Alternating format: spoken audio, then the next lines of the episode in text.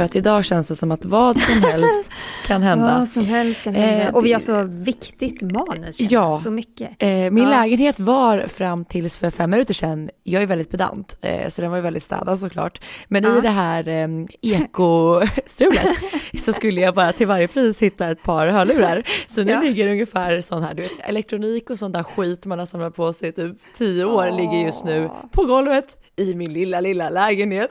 Ja, fast jag är säker på att det ändå är jättefint.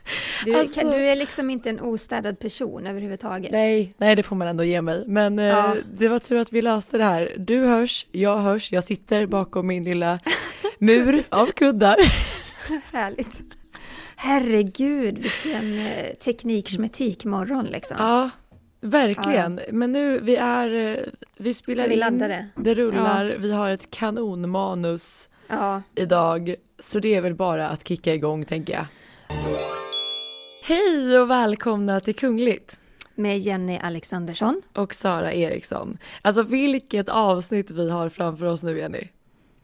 Eh, vi har så mycket, så mycket spännande saker, så mycket drama som har hänt, så otroligt mycket stora nyheter som bara pumpar in, främst i de brittiska tabloiderna. Ja, det är som vanligt. Harry och Meghan, de vinkade ju faktiskt hej då till brittiska kungahuset för ett liv bortom det mediala strålkastarljuset. Och senaste veckan så har vi faktiskt sett mer än någonsin av paret, men i helt nya situationer som vi kanske inte ens hade kunnat tänka oss att vi skulle se Harry och Meghan i. Nu vet vi dessutom varför Harry sågs på en sån eh, sightseeingbuss för några veckor sedan. Vi vet även vad drottning Elizabeth gav Archie för krispig julklapp och mm -hmm. när Harry egentligen visste att Meghan var the one. Eh, I veckans avsnitt ska vi givetvis prata om The Late Late Show som Harry medverkat i och såklart också den omtalade intervjun med Oprah som väntar senare den här veckan. Ja, så mycket. Och vi ska även prata om motdraget som kommer från Kensington Palace ett chockerande motdrag och även kungliga fans som kopplas samman med en viss PR-avdelning. Vi ska prata om prins Andrews titlar som blir allt mer ifrågasatta. Harry blev ju av med sina och nu undrar många varför Andrew får behålla sina titlar. Och ska prins Harry kanske inspireras av prinsessa Madeleine när det gäller att hålla privatlivet just privat? Världen över så jämförs just nu de här två personerna, Harrys val med prinsessa Madeleines val. Och hur mår egentligen prins Philip? Det ska mm. vi prata om. Och även om vår prisade kronprinsessa. Och så har vi lite lyssnarfrågor. Just det.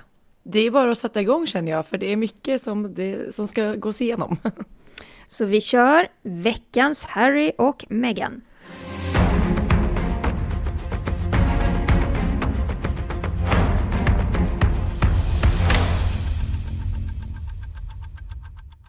Ja, som sagt, Harry och Meghan de syns ju mer än någonsin i media och Eh, för två veckor sedan så meddelade ju brittiska hovet att paret lämnar brittiska kungahuset och i samma stund så blev då Harry av med sina militära hederstitlar och både Harry och Meghan fick då ge tillbaka sina hedersuppdrag och beskyddarskap till drottning Elizabeth. Ehm, drottning, alltså drottning Elizabeth satte ju verkligen ner foten där och då och det var ju någonting som vi faktiskt har väntat på i ett års tid. Efter att det här prövåret hade gått ut så satt vi alla på helspänn och undrade vad det faktiskt, vad det som skulle hända och vad drottningen egentligen tycker och tänker om parets beteende. Men hon slog fast vid att man kan inte både ha kakan och äta den. Och det bestämdes ju även att Harry och Meghan inte heller får använda bilder på kungligheter i sitt arbete. Eh, och som vi pratat om tidigare så får de inte använda sina kungliga HKH-titlar i kommersiella sammanhang.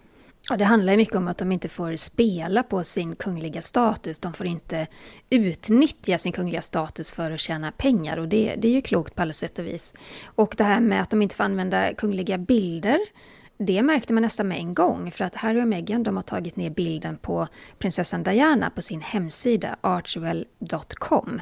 Och det var ju en väldigt stor bild på henne som dominerat hela första sidan så att där agerade de faktiskt direkt. Mm. Men vi spelar in den här podden den 3 mars och på söndag den 7 mars då är det dags för Harry och Meghans intervju hos Opera. Och intresset för den här intervjun det är enormt och jag kan tänka mig att oron hos det brittiska kungahuset också är stor. För i veckan så släpptes trailern till intervjun Och det är två känslosamma kungligheter som talar och vi lyssnar på den.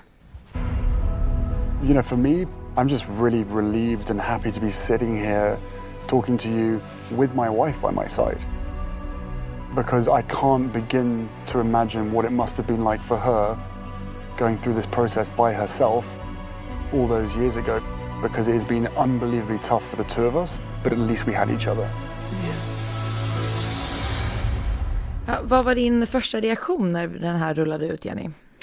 Nej, men jag reagerar ju på att Opera säger att, eh, att hon verkligen slår fast att inget ämne, ingen fråga är förbjuden. Och det säger ju bara att det här är en intervju som i Storbritannien man säger tell all, man ska avslöja allt.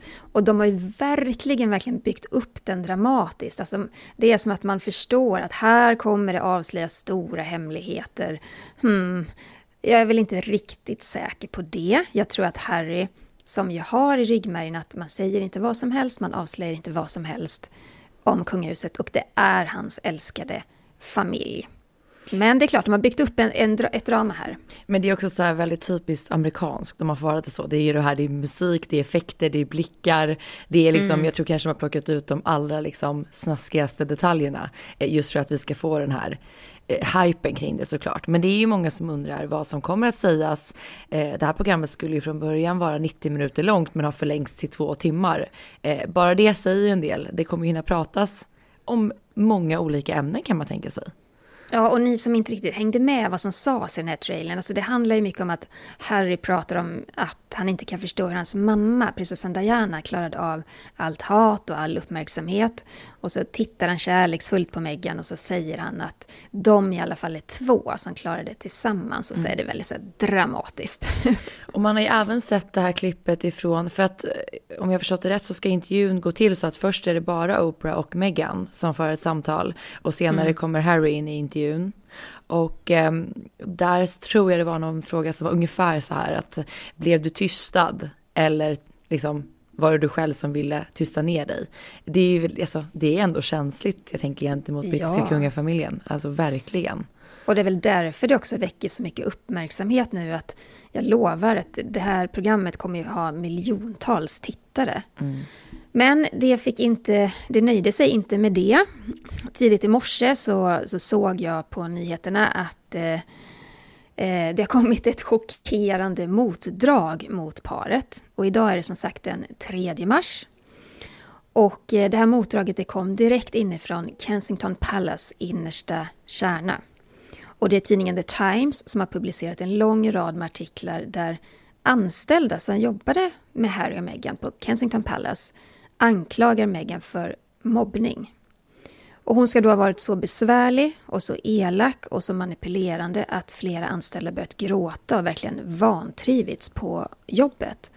Och en anställd vittnar om att det kändes som, citat, känslomässig grymhet och manipulation och att även det kan ju klassas som mobbning. Slut på citat. Mm -hmm. Det här är ju häpnadsväckande nyheter och särskilt att de kommer just precis nu i samband med hela det här eh, mediaropet som Harry och Meghan befinner sig i, där de vill dela sin sida av storyn. Men då verkar det tydligen kliva fram andra personer som vill dela med sig av sin story i, i ja. samma sammanhang här. Och det verkar också, för min första tanke var att jaha, det här är motdraget, nu ska de ta udden av, av Meghans eh, historia i opera. Men det verkar faktiskt ligga väldigt mycket sanning i det här, för att två av parets personliga assistenter har, eller sa upp sig då. Och en tredje har berättat för eh, The Times att hon kände sig starkt motarbetad av Meghan och att förtroendet verkligen var skadat. Och där ska delvis också handlat ofta då om unga kvinnliga anställda. Och en av de närmaste medarbetarna lämnade in en anmälan om mobbning till slottets HR-avdelning, alltså personalavdelning. Och Harry och Meghans kommunikationssekreterare, han engagerade sig i fallet väldigt starkt för att skydda de anställda. Och det är hans e-mail till HR-avdelningen och ett e-mail som även gick då till William och Kates privatsekreterare som nu återges i The Times.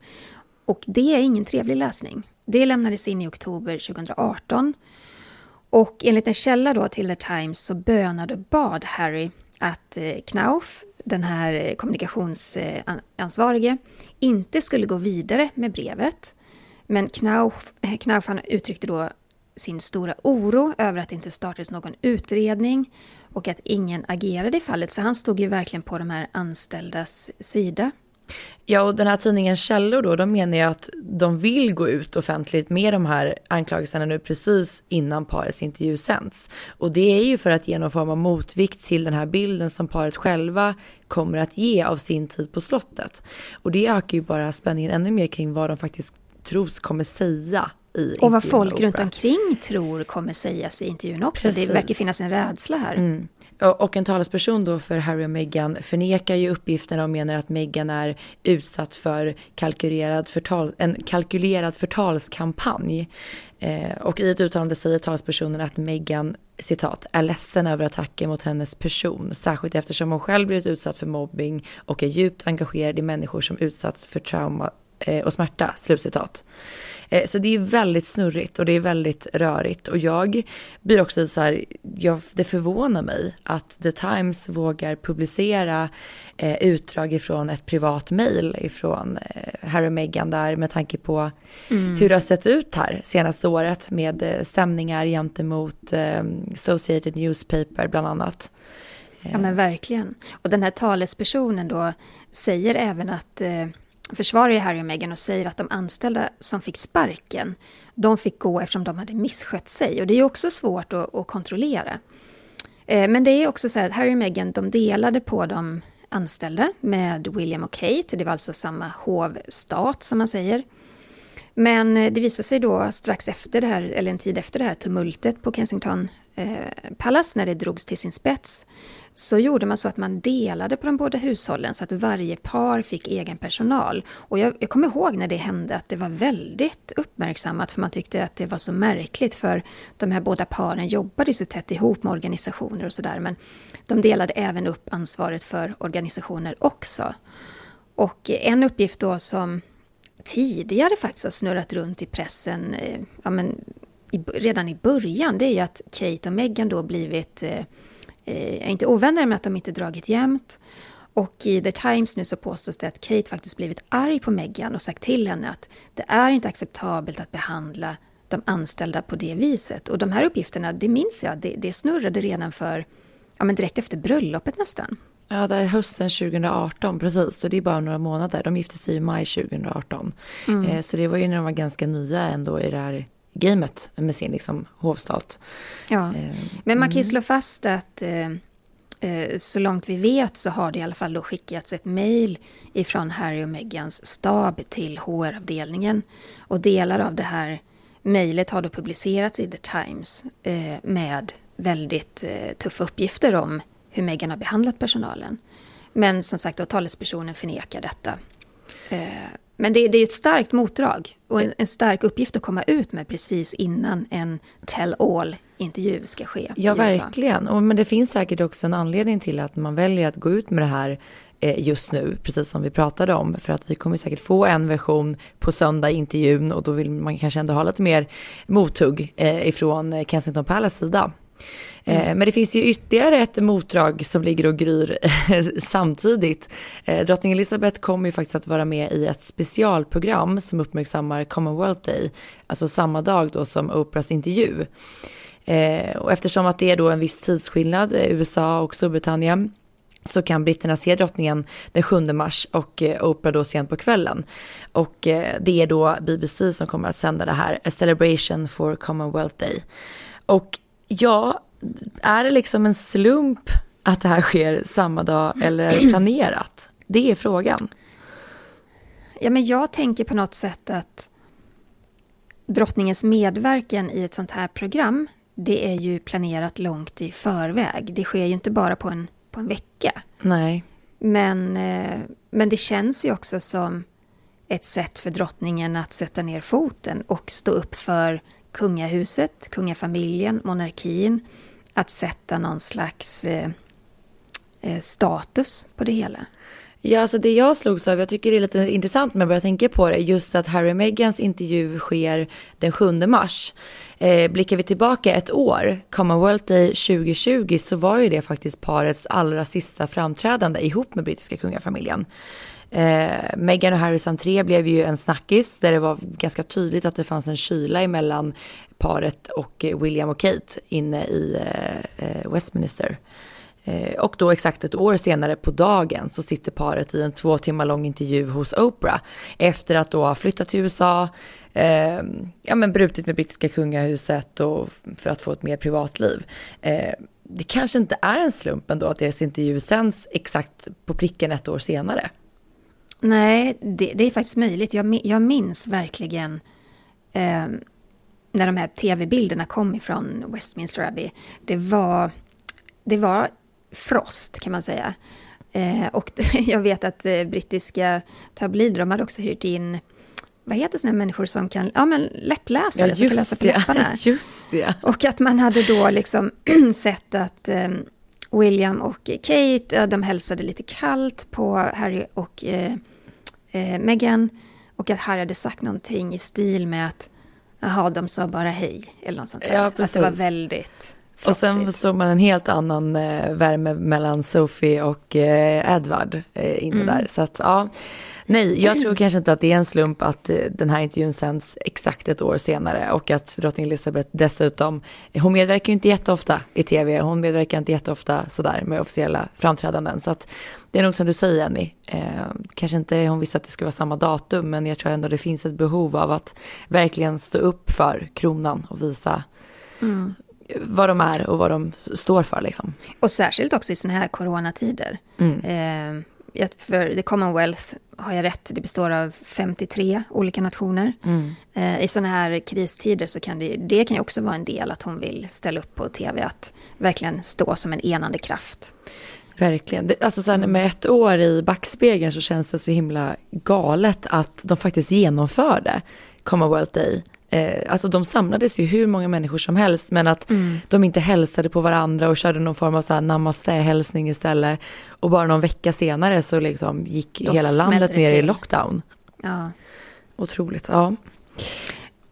Ja, vi måste också prata om prins Harrys deltagande i talkshowen The Late Late Show. För några veckor sedan så, så såg vi att det flimrade för bilder där han satt på en sightseeingbuss tillsammans med James Corden som då är programledare i The Late Late Show. Och eh, ja, men kan vi inte bara klippa tillbaka hur vi, hur vi pratar om det då? Och nu är det tydligen dags igen för att tidigare i veckan så läcktes en bild ut då från en hemlig tv-inspelning som Harry ska ha deltagit i. Eh, Harry var då omgiven av ett stort filmteam som befann sig på en så här dubbeldäckare mitt i Hollywood. Jag kände så här, kanske inte så konstigt att det blev uppmärksammat och fotat. Det var nog inte så jättediskret kan man tänka sig. Och eh, med på den här bussen då så fanns även James Corden som är programledare för amerikanska The Late Late Show. Och James är även programledare för det här Carpool Karaoke, där då kändisar sjunger karaoke från bilar. Är det det vi kommer se prinsen göra nu, fast från en buss? Vad är det som pågår? Nej, alltså där går det nog, där går en gräns, hoppas jag, verkligen. Eh, är du så säker på det, Jenny? Eh, jag hopp, nej, men alltså nej, jag kan inte se Harry sitta och sjunga med i någon låt. Nej, nej, men det, nej jag hoppas inte det. Men, om men om det... det blir så, då vet du vad vi klipper in. Ja, och någon gemensam karaoke, så som faktiskt programmet vanligtvis är utformat, blev det ju inte. Men det blev en afternoon tea på bussen, en hel del humor, skratt, men även allvar faktiskt. Mm. Programmet börjar med sightseeing med tedrickande ovanpå den här eh, taklösa bussen. Eh, och sen så eh, guidar James prins Harry genom eh, massa gator i Los Angeles och det kändisar bor så stannar de vid huset där Fresh Prince of Bel-Air spelades in. Och när ägaren till huset öppnar dörren så ställer prinsen en ganska otippad fråga. I'm actually dying for a pee. Can I use your bathroom?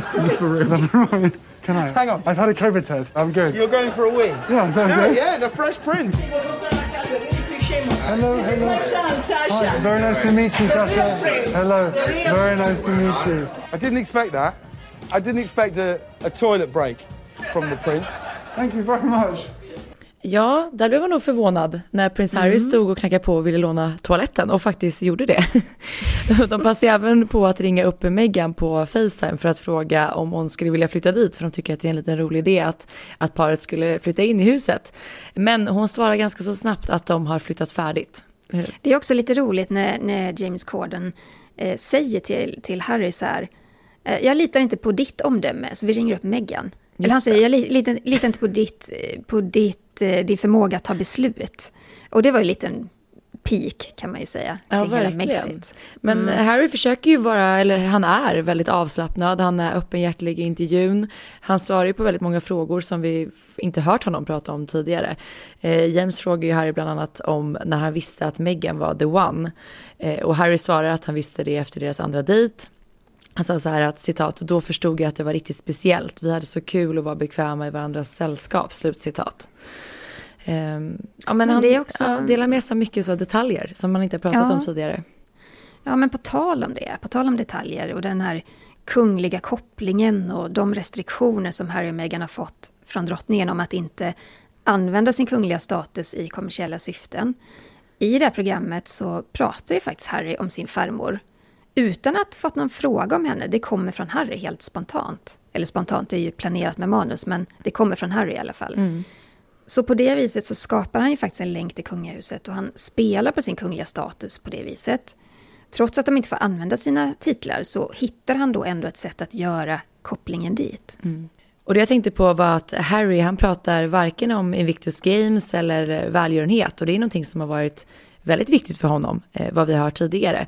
Utan istället så pratar Harry flera gånger faktiskt om Netflix och han pratar även om The Crown.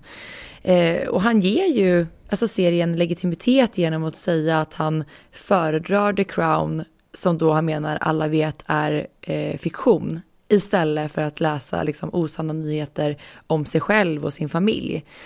Eh, och då menar jag, då har ju ändå The Crown varit väldigt så här hårda mot framförallt Harrys pappa vad det gäller otrohet och, och hela relationen med Diana. Och som vi vet har ju liksom vänner till prins Charles rasat i medierna på grund av hur han liksom porträtteras där. Eh, men Harry ger det tyngd. Han pratar ju även om att, att han och Meghan gärna spenderar kvällarna framför Netflix efter att Archie somnat. Så att Netflix är återkommande och som vi vet har ju Harry och Meghan signat en monsterdeal ihop med streamingjätten. Så att Ja, han gör ju Ja. skamlöst reklam för, för sin nya arbetsgivare, det kan man ju säga. Och eh, Harry säger att han lämnade kungahuset på grund av mediernas intresse för honom och att det påverkade hans mentala hälsa. Och ändå så sitter han och spiller ut en massa privata detaljer om Archie, eh, om Megans smeknamn på honom, det är tydligen Has, Eh, och vad drottningen köpte till Archie i julklapp, det var tydligen ett våffeljärn. Och man kan ju tycka att de här detaljerna, det, det kan vara harmlöst. Eh, och de väljer själva vad de vill dela med sig. Och, och ja, det stämmer, det gör de ju verkligen. Men återigen hamnar man i den här frågan, kan man ha både kakan och äta den? Kan man hålla medierna på avstånd för att man inte vill att privatlivet ska eh, speglas i medierna? Och samtidigt själv ge ut en massa personliga detaljer. Ja, Det, det, det, som- är ett dilemma. Det som händer nu, det är ju såklart att eh, vi alla tog del av det här programmet. Medierna har skrivit om alla detaljer som man Hur berättar mycket om. som helst. Hur mycket som helst. Och det har verkligen varit, bara här i Sverige, tänkte du hur det har sett ut i Storbritannien. Mm. Eh, och då är, de, då är ju återigen den här mediebevakningen igång. Ehm, så att jag, jag förstår inte riktigt vad, vad han vill med allt det här. Sen var ju han så här superrolig och väldigt lättsam tycker jag. Eh, man får ju liksom en, en mycket så här mer avslappnad bild av Harry och jag hoppas verkligen att han att han mår så bra som man får känslan av i programmet. Men återigen så är det ju väldigt mycket privat snack som ingen har bett honom att dela med sig av men ändå vill han det. Vilket gör att man återigen inte riktigt får ihop pusslet gällande varför han inte vill eh, en del av eh, den brittiska kronan. Jag tycker också att han framstår som rolig och lite charmigt avslappnad. Men eh, det är ju också så här att i programmet så utsätter James Corden honom för olika dråpliga inslag. Han ska bland annat göra en eh, hinderbana, en militär hinderbana. Han ska då eh, gå in och kissa i det här fina huset i Los Angeles. Och jag vet inte om det här är rätt väg för Harry att gå. För när han är med i en humoristisk talkshow på det här viset och när han gör spexiga grejer ja, som att låta en hel tevagn spilla ut i hans knä med, med liksom kladd och blä. Nej, men jag tycker det är för stort steg att ta. Från att ha stått vid drottning Elisabeths sida vid högtidliga tillfällen, jobbat hårt med välgörenhet, verkligen behållit sin kungliga status. Nu ska han då plötsligt vara en person som man skrattar åt och ser i dråpliga situationer. Alltså steget från den kungliga världen in i det här spexiga. Jag vet inte om det är rätt väg att gå. Men är det ett sätt för honom att bli mer folklig, eh, folklig och omtyckt, eh, framförallt i Storbritannien? Säkerligen, men, men alltså jag har ju sett mer kritiska kommentarer och artiklar kring hans medverkan än, än hyllande sådana. Mm. Och då har jag ändå liksom skannat av otroligt mycket, mycket tidningar och, och medier. Och det är ju så, ja visst, kanske han blir mer folklig och det är många som tycker att det är härligt att han ställer upp på det här, men jag vet inte om det är rätt väg att gå. Är det, är det så Harrys framtid kommer se ut? Att, att det liksom är en så väldigt, väldigt tunn linje mellan det privata som han säger att han vill vakta, men ändå, nej, jag har svårt att jag har svårt att se det. Det är svårt att greppa det hela eh, mm. faktiskt. Men en rolig detalj faktiskt som vi måste prata om, jag tyckte det var kul att Harry berättade att han ofta pratar med Elisabeth och Philip via Zoom. Och att Philip då aldrig säger hej då utan bara slänger igen datorn när han känner sig klar. men jag tycker på något sätt att det känns lite förlåtande när man snart fyller hundra år. Eh, men återigen, privata detaljer eh, om samtal, om familjen, med familjen eh, som Harry vet att medierna gärna skriver om, såklart. Ja, och så ska man lägga till också, det är ju, och det är ju det är viktigt att Meghan deltar endast i programmet via eh, James Cordens mobiltelefon. Och där är hon tjusig, uppklädd, vacker och skön. Så det är inte så att Meghan utsätter sig för spexiga saker eller hinderbanor, utan det är liksom Harrys grej. Så jag tycker att Meghan lite grann behåller sin värdighet på, på ett annat sätt. Ja, man har inte sett något liknande från en kunglighet eh, tidigare, om man säger så. Mm. Eh, dessutom så tänkte jag på det att han pratar, Harry pratar ingenting om William eller Kate eller deras barn, utan landar mest i snack om farmor och farfar. Eh, jag undrar liksom om det är lite det vi var inne på, det här med att han vill liksom sympatisera med brittiska folket än mer. Harry vet ju att många anser att han svikit kronan och framförallt liksom drottning Elizabeth som själv stått upp för landet i 68 år. Eh, men om det kan vara något sätt att liksom, jag vet inte, bygga tillbaka eller liksom bygga upp muren igen. Jag vet inte mm. vad, det känns så i alla fall. Eh, ja, han sa även alltså, att hans liv liksom alltid handlat om public service och att han nu vill fokusera på att göra världen bättre med små, små medel. Och det är ju såklart jättebra. Eh, och det ska ja. bli intressant att se på vilket sätt, eller och hur. Ja, och det kan ju också vara så här att det bara är barnsjukdomar i början av deras nya karriär. Det kanske, de kanske verkligen hittar och landar i en plattform som, som känns bra. Jag är bara lite tveksam till det här spexiga, att plötsligt utsätta sig för... Det är roligt, det är skärmigt, men är det rätt för deras framtida arbete? Jag vet inte. Men vi ska också gå in på det här med att Meghan och Harry använder sig av en stor stor eh, PR-byrå, Sunshine Sachs. De har ett helt stall av eh, Hollywoodkändisar och skådespelare och eh, miljardärer. Så det är ingen slump att de har valt just den. Eh, och nu verkar det som att alla de här ryktena som har gått gällande Megans och Harrys fans och den här PR-avdelningen är sanna. För det är ju så här att paret har en enormt stor grupp fans som försvarar dem i vått och torrt. Man ser det främst på sociala medier. Och de kallar sig själva, eller de har fått namnet, Sussex Squad. Och de kan vara ganska aggressiva mot William och Kates fans på sociala medier. Och vi har ju pratat om det flera gånger, att det är en enormt hetsk stämning på nätet kring de här två paren. Och ibland är det faktiskt obehagligt att följa. Ja, de har ju inga filter. Alltså det är ju... Det är, det är personangrepp liksom, ja, och det precis. är liksom... Och vissa har då hävdat att en del av de här dreven är iscensatta av den här PR-byrån Sunshine Sachs. Eh, eller i alla fall eldas på av dem. Och eh, av en slump så ramlade jag på en, eh, en kvinna. Hon finns också på sociala medier. Hon kallar sig Nash Mahal.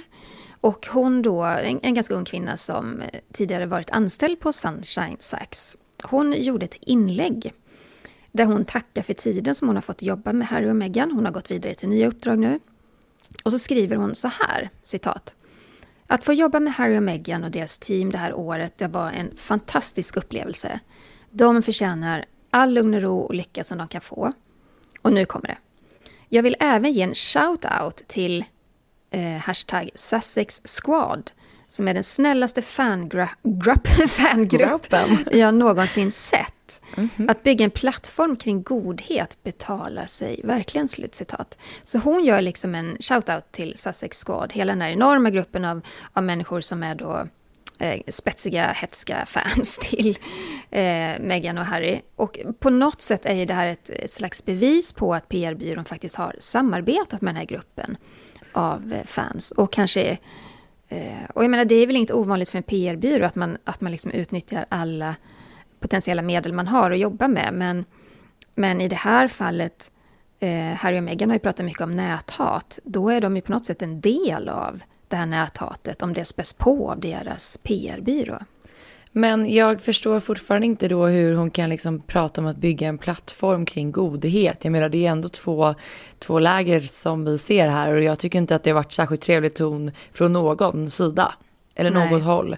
Um, och absolut att PR-byråer jobbar riktat mot sociala medier eh, och så vidare. Men det som sker här, det är ju på en helt annan nivå. Och det handlar ju inte ens om PR, utan det handlar ju om personangrepp. Mm. Och mobbing, det ja. kan man ju verkligen säga. Uh, ja. ja. Det stormar på. Det stormar på.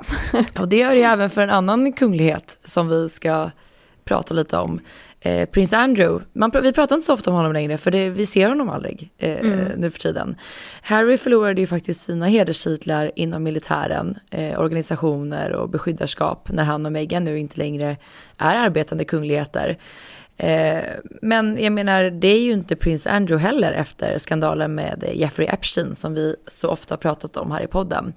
Och det står ju väldigt klart att Andrew inte kommer att vara med nu under Dropping the Color eh, och stå på balkongen. Och det, eller hur Jenny, det är ju ett väldigt tydligt statement ifrån drottningens sida. Ja men verkligen, Tropping the Color, det är ju ett, en av de största händelserna på hela året för att fira att drottningen då fyller år.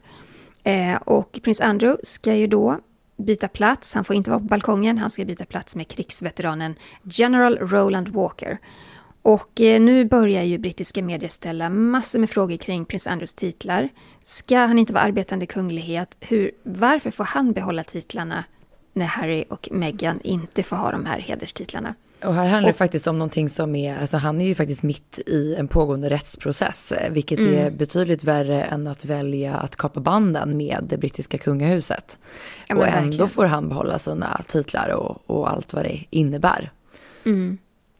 Men vi får väl se, alltså jag, det ska bli spännande att se det här Trooping the Colors, för att eh, det pratas ju också om att Harry och Meghan ska vara med Eh, det är ju liksom en semi-officiell tillställning som har med familjen att göra. Så att det är mycket möjligt, men jag, jag, tror inte vi kommer se dem på någon balkong med drottning Elizabeth. Nej, det är också svårt att se, särskilt efter de senaste veckornas eh, besked och beslut och allt vad det har varit.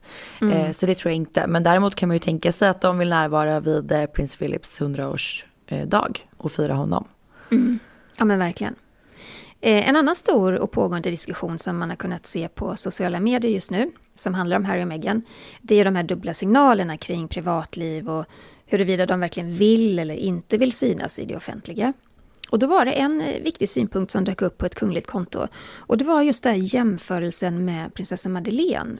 För hon har ju också flyttat till USA, precis som Harry. Och är precis som Harry väldigt mån om sitt privatliv och sin familj. Och där får man ju ändå säga, Sara, att hon har lyckats med att hålla sitt liv ganska mycket borta från strålkastarljuset. Mm. Visst, det kommer en del paparazzi-bilder när hon är ute med familjen då och då.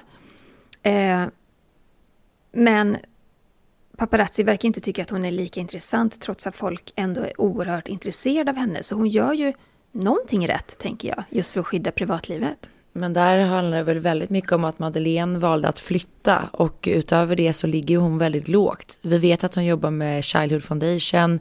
Utöver det så, alltså man ser ju aldrig henne i några andra sammanhang för att hon har valt att inte vara där. Eh, hon gör inga stordealar med andra företag. Hon eh, pratar inte ut i intervjuer eller media.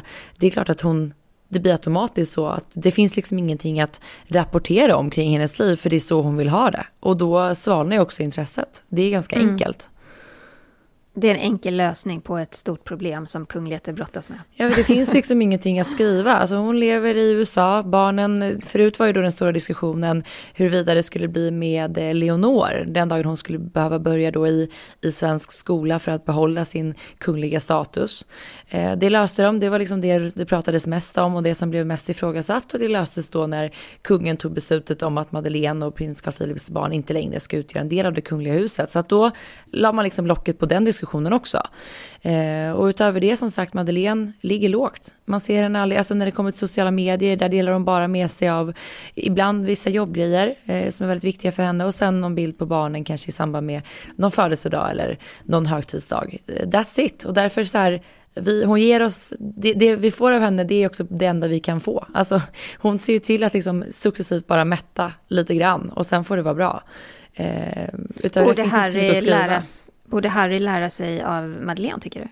Ja, om det är det han vill vara, alltså om det är ett privatliv han vill ha, bortom medial uppmärksamhet, absolut. Men det verkar ju faktiskt inte så, utan det verkar ju som att Harry och Meghan eh, vill leva en typ av liv i offentligheten men där de får välja själva vad mm. som blir eh, rapporterat och vad man skriver och de vill då inte bli förknippade med den kungliga världen för den kanske blir än mer ifrågasatt tycker de. Eh, men uppenbarligen vill de inte ifrån strålkastarljuset på det sättet som Madeleine vill ifrån det. det är två jag har, ett, jag har ett, ett ord för det. Berätta. Jag har två ord för det. Oj, två till och med. Dubbla signaler. Ja. Undrar hur många gånger, om man skulle lyssna igenom den här podden senaste året, hur många gånger vi har sagt dubbla, ordet dubbla signaler. Hur många gånger som helst. Men när vi ändå pratar nu om Storbritannien, vi måste också Sara, hur går det för prins Philip? Ja, hur går det för Philip? Han har ju faktiskt spenderat nu två veckor på sjukhus. Eh, vi vet att Charles har varit och hälsat på honom och vi, eh, ska, eh, prins William ska säga, fick också frågan, han var ute på ett annat uppdrag och fick frågan om hur eh, hans farfar mår. Och han svarade då att han är okej men att de vill fortsatt hålla ett vakande öga på honom. Och vad jag har förstått det så är han fortfarande inlagd på sjukhus. Ja, och i, häromdagen så flyttades han ju också från Edvard VII sjukhus till Sankt Bartolomeo sjukhus. Och det var ganska dramatiskt, det kom bilder därifrån. Eh, sjukhusväktare, eh, de höll upp stora paraplyer för de ville inte att någon skulle ta bilder av prins Philip. Det kan man förstå, han Verkligen. är sjuk. Mm. Eh, han vårdas ju för en infektion och det är inte covid-19. Eh, men det är också så, anledningen till att han flyttades till Sankt Bartolomeo, det är att där har de hjärtspecialister och eh, prins Philip har då problem med hjärtat. Och det har han haft sedan tidigare, så läget är ju väldigt oroande. Och att prins Charles hälsade på honom, det skriver också brittiska medier, handlade mycket om att Charles ville diskutera med sin pappa hur, hur vill prins Philip ha det också? Hur ska de lösa det här? För att han kommer att vara inlagd ett tag till, helt enkelt. Och det är såklart ett oroande läge. Ehm, ja, han fyller ju hundra snart. Ja. Det är en ålder, verkligen. Vi hoppas att prinsen kryar på sig. Eh, mm. Och snart kan bli utskriven från sjukhuset. Ja, framförallt att han får fira sin hundraårsdag. Det är ju efter, en så, efter så många år i, i drottningens tjänst och i liksom tjänst för Storbritannien och kungahuset så unnar man ju honom verkligen att få fira sin födelsedag med, med familjen. Ja, verkligen. Eh, en lite mer glädjande eh, nyhet, det är ju att vår kronprinsessa Victoria har tilldelats ett pris. Eh, det är då tidningen QX läsare som har röstat fram kronprinsessan som en av vinnarna vid årets gaygala. I år blev den då såklart inställd som mycket annat, men om jag förstod det rätt så eh, skedde det här lite mer digitaliserat. Eh, och kronprinsessan tilldelas då pris bland annat med anledning av det här talet som hon höll vid förra årets invigning, invigning av Stockholm Pride.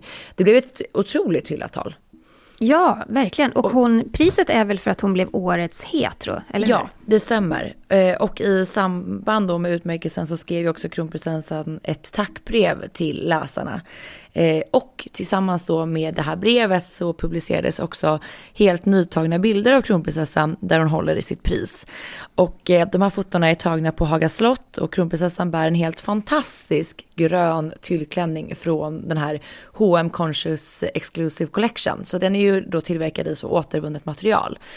Alltså jag tycker bara att vår kronprinsessa är en sån förebild på så många plan.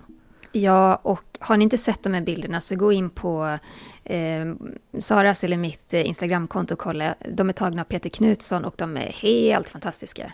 Ja, de är verkligen enastående. Eh, och så fint också att eh, vi har sett nu hur kungafamiljen, allt, eller kronprinsessfamiljen, eh, mm. tar med sig sin hund Rio vid fotograferingarna. Vi såg det nu på kronprinsessans bilder, vi såg det när Estelle fyllde år och nu i veckan också när prins Oscar fyllde år. Eh, det finns mycket nya bilder nu ifrån kronprinsessfamiljen, så det, mm. ni kan kika på våra Instagramkonton, där finns de. Ja, så är det. Ni kan följa oss där förresten. Jag finns på Kungligt med Jenny på Instagram. Och Sara, var finns du? Royalistan.se. Där uppdaterar vi kungligt så gott som dagligen. Vi, eh, vi ska ju hinna svara på några lyssnarfrågor också igen, eller hur? Mm. Eh, vi kan börja med den här, den är direkt till dig. Det är en lyssnare som har sett på Kungligt med Jenny Alexandersson. Hon skriver så här, i ett avsnitt av Kungligt med Jenny Alexandersson berättar du om säkerhetsvak säkerhetsvakternas smeknamn på kungafamiljen. Du får jättegärna berätta mer om det i podden. Ja, det är ju spännande. Och eh, anledningen till att jag kan prata om det, det är för att jag tror att de här namnen inte används längre, utan det var då. Vi, vi pratar kanske tio år tillbaka i tiden. Men eh, då minns jag att eh, kungen kallades för pappa och drottningen för mamma. Och eh, som sagt, jag tror inte det används längre överhuvudtaget. Men det är ju ett, det är liksom ett tryggt sätt att prata om kungligheterna när andra människor finns omkring om man inte vill avslöja att man menar kungen eller drottningen. Och sen så såg jag här häromdagen också att eh, namnen, säkerhetsvakternas namn på Kate, William och Harry, de är lite roliga. Mm -hmm. eh, hertiginna Kate, hon kallas för Daphne Clark. Prins William, han kallas för Danny Collins. Det låter nästan lite som så här filmstjärnenamn. Ja, verkligen. Och prins Harry, han kallas för David Stevens. Ja, det, är lite kul. klatschigt sådär. Verkligen klatschigt. Mm. Älskar ordet klatschigt för övrigt. eh, vi har fått jättemånga frågor. Vi tar dem, vi benar upp dem lite grann här. Det är från en och samma person som har skrivit in flera frågor. Ja. Ja. Men hennes namn har försvunnit. Ja, Nej, Katrin heter hon. Det är Katrin, Katrin som undrar. Ja. Yes. Då skriver Katrin så här. Ni sa i ett tidigare avsnitt att prins Charles inte skulle avsäga sig kronan till förmån för William på grund av successionsordningen. Det är den som bestämmer. Men säg att Charles skulle göra bort sig på samma sätt som Andrew. Skulle drottning Elizabeth då kunna utestänga honom från kungafamiljen eller tvinga honom att avsäga sig tronen? Ja, alltså precis som hon säger i frågan så är ju så här, successionsordningen är ju reglerad i lagen och utgör liksom en grundlag. Eh, men också som du skriver om till exempel då Charles skulle göra någonting olagligt eller olämpligt så kan ju såklart hans ställning diskuteras. Eh, och det skulle ju förmodligen också då leda till att Charles själv skulle avsäga sig kungatiteln till förmån för William och det skulle ju då ske i någon form av diskussion med, om det sker idag, drottning Elizabeth. Och om det skulle vara någonting direkt olagligt, ja men då går ju liksom då handlar det om någonting annat, då kan han ju bli dömd för brott. Mm. Eh, så eh, tänker jag. Precis. Och det är väl egentligen som man ser med, med prins Andrew, det har ju gått till på samma sätt där. Att eh, det är klart att det har skett en diskussion mellan honom och, och mamma drottningen. Eh, men mm. det är då Elisabeth som går ut med att liksom, berätta vad det är som gäller. Ja, den här frågan är också jättespännande från Katrin. Hon skriver, när Gustav VI Adolf dog så var det en lång kortege genom Stockholm där ministrar och hela kungafamiljen gick efter kungens kista. Och längs med vägen stod det soldater med skarpladdade skjutvapen. Och det vet jag eftersom min pappa var en av dem. Jag tänker att detta var ganska vågat med tanke på hur många högt uppsatta människor som går precis framför en. Det räcker med en galning och det tar inte lång tid att tömma ett magasin, som min pappa brukar säga. Litar kungahuset bara på att soldaterna ska bete sig eller är det någon hemlig polis eller liknande som håller soldaterna i schack? Alltså jag tänker att all, det alltid vid den här typen av tillfälle är ju, det sker ett otroligt stort säkerhetspådrag. Eh, jag tänker bara samma sak vid de här alltså bröllopen, kronprinsessbröllopet 2010. Det är ju ett sånt enormt arbete som vi kanske inte ser så mycket av, men som hela tiden sker bakom kulisserna. Och det finns ju också en anledning till att vi inte ska se det, för det ska ju såklart ske med ett stort hemlighetsmakeri. Eh, det är klart att kungafamiljen litar på sina medarbetare och har väldigt nära kontakt och samarbete med Säpo och liknande. Eh, men det är ju alltid otäckt vid de här typerna av tillfällen, för just som hon säger så, alltså det, det är farligt allting såklart. Men det är ett Ja. enormt säkerhetspådrag kring Jag har ju allting. varit med om flera tillfällen då jag nästan liksom eh, hoppa till av förskräckelse. Jag minns en resa till Indien med kronprinsessan där kronprinsessan skulle gå tillsammans med eh, sin närmaste medarbetare på en liten strand. Hon skulle röra sig mot ett eh, eh, Ja, men en, man har byggt upp en liten, ett litet hus med solskydd och sådär där hon skulle sitta och lyssna på tal. Och det var otroligt mycket människor och kronprinsessan var omsvärmad av människor. De kom mycket, mycket nära. Och det var två liv, livvakter med. De kände såklart till platsen, de visste precis vad som skulle hända. Men jag tror att alla blev lite överrumplade av att så många människor kom så nära. Och det var inga...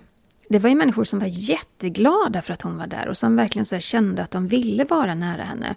Och det var inte så, hon såg inte rädd ut, kronprinsessan såg inte rädd ut överhuvudtaget. Så det var ingen hotfull situation.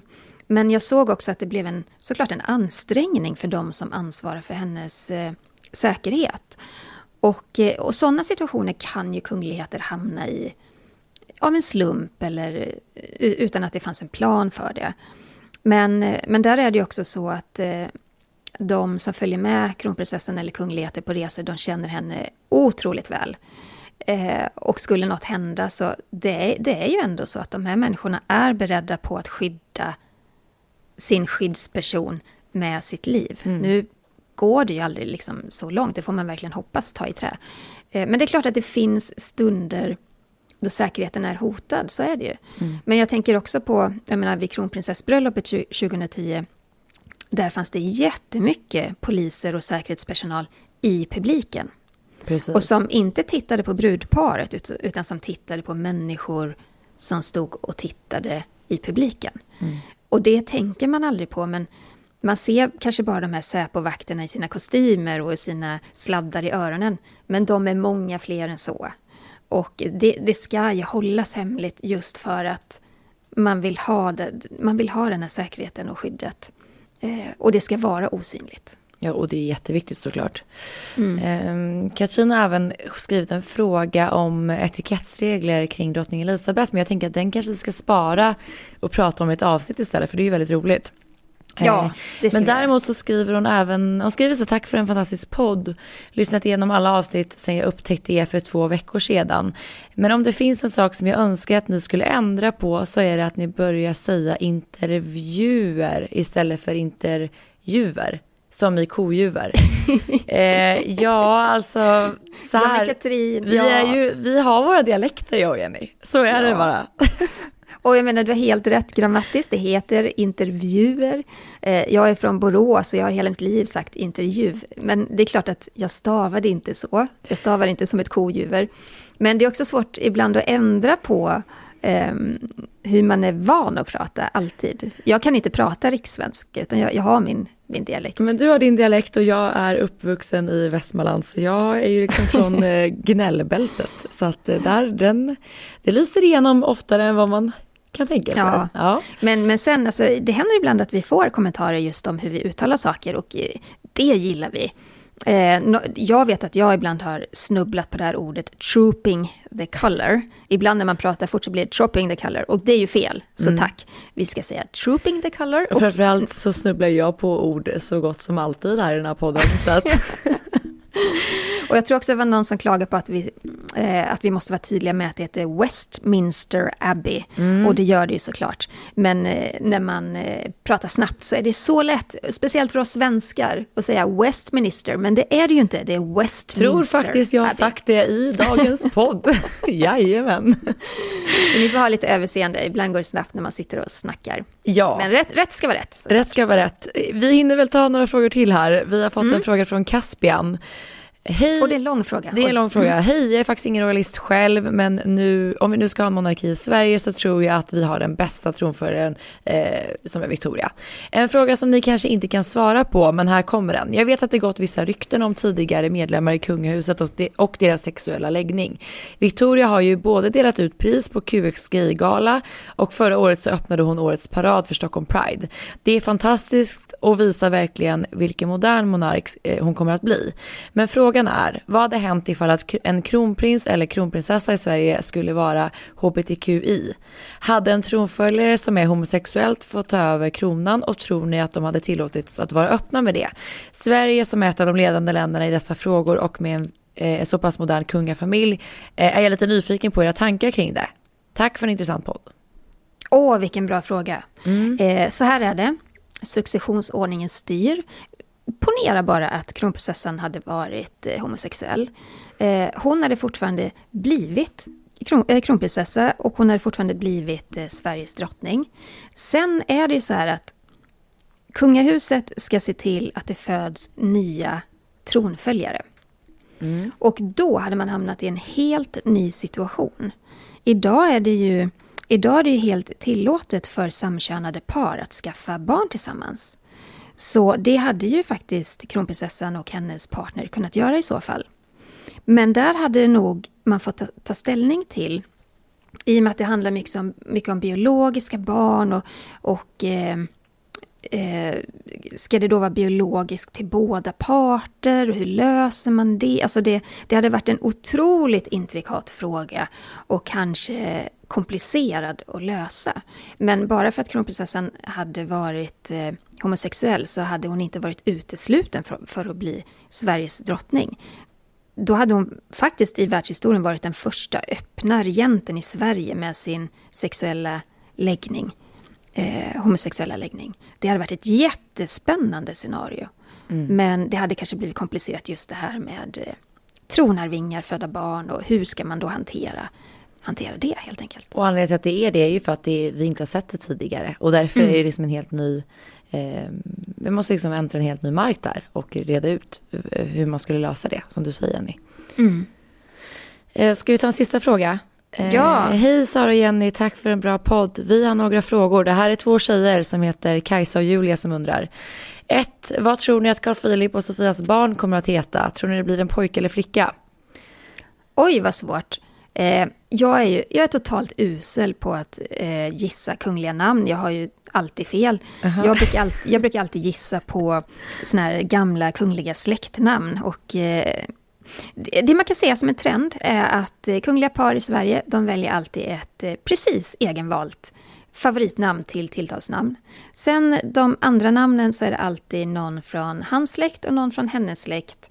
Och eh, någon som har med så kunglig tradition att göra. Det är ja, det men både så här, om man tittar prinsparet tidigare då, eh, Alexander och, och, så här, det Gabriel, det är inte så här tydliga kopplingar till liksom svenska kungahuset i tilltalsnamnen.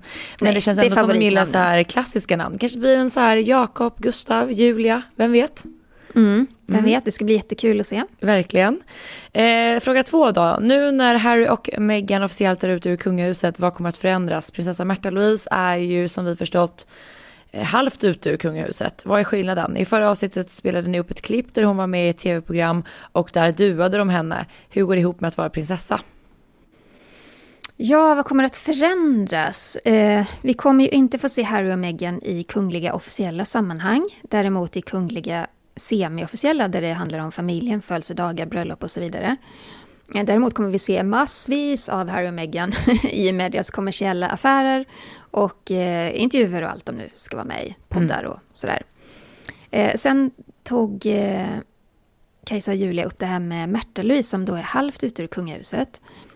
Eh, jag tror inte det är någon större skillnad där egentligen med Harry och Meghan för att Märta-Louise är ju inte heller riktigt en arbetande kunglighet på det viset att hon har ju faktiskt själv avsagt sig det här hennes kungliga höghet-titeln.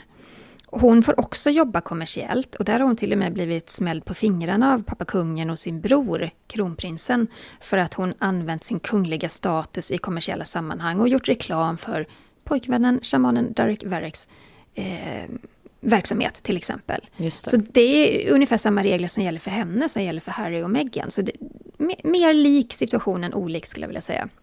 Bra svar Jenny. Men det där med att man duade henne.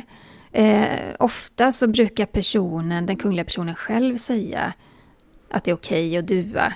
Eh, kanske, kanske känns det lättare att dua henne som då inte är fullt arbetande kunglighet kanske. Jag vet inte hur. Jag, jag vet ju inte riktigt vad det var för program.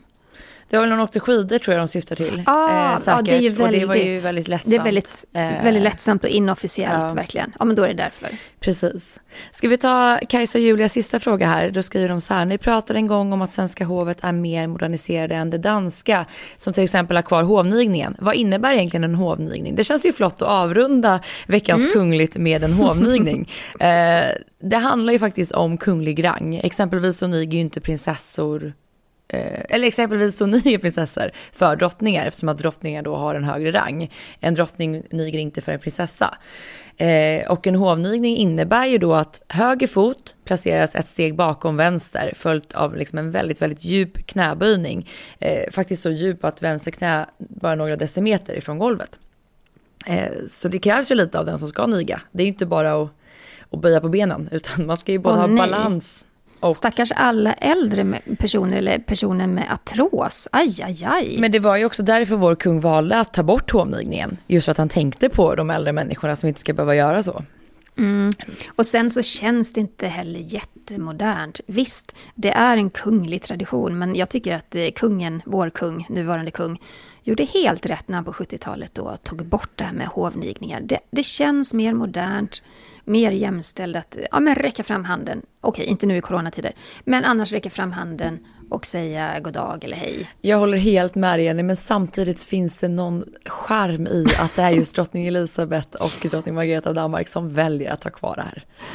Ja, ja det, säger, det säger mycket om deras, eh, Ja. ja, deras syn på monarkin. Mm. Det blev ett otroligt långt avsnitt idag, men vi hade så mycket att prata om. Eh, vi hoppas att det här, att vi har rott det här i land nu med tanke på allt teknikstrul vi har jobbat oss igenom idag. Eh, tack snälla för att ni har lyssnat. Glöm inte att prenumerera på vår podd. Eh, tryck på prenumerera-knappen så missar ni inget avsnitt. Och skicka in fler frågor till kungligt snabela aftonbladet.se. Och som sagt, Sara, du finns på royalistan.se. Jag finns på Instagram, kungligt med Jenny. Vi ses där. Ja, Hej då. och vi hörs om en vecka. Hej då! Hej!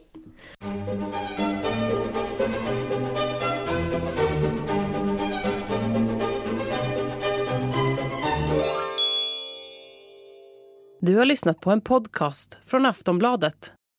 Ansvarig utgivare är Lena K Samuelsson.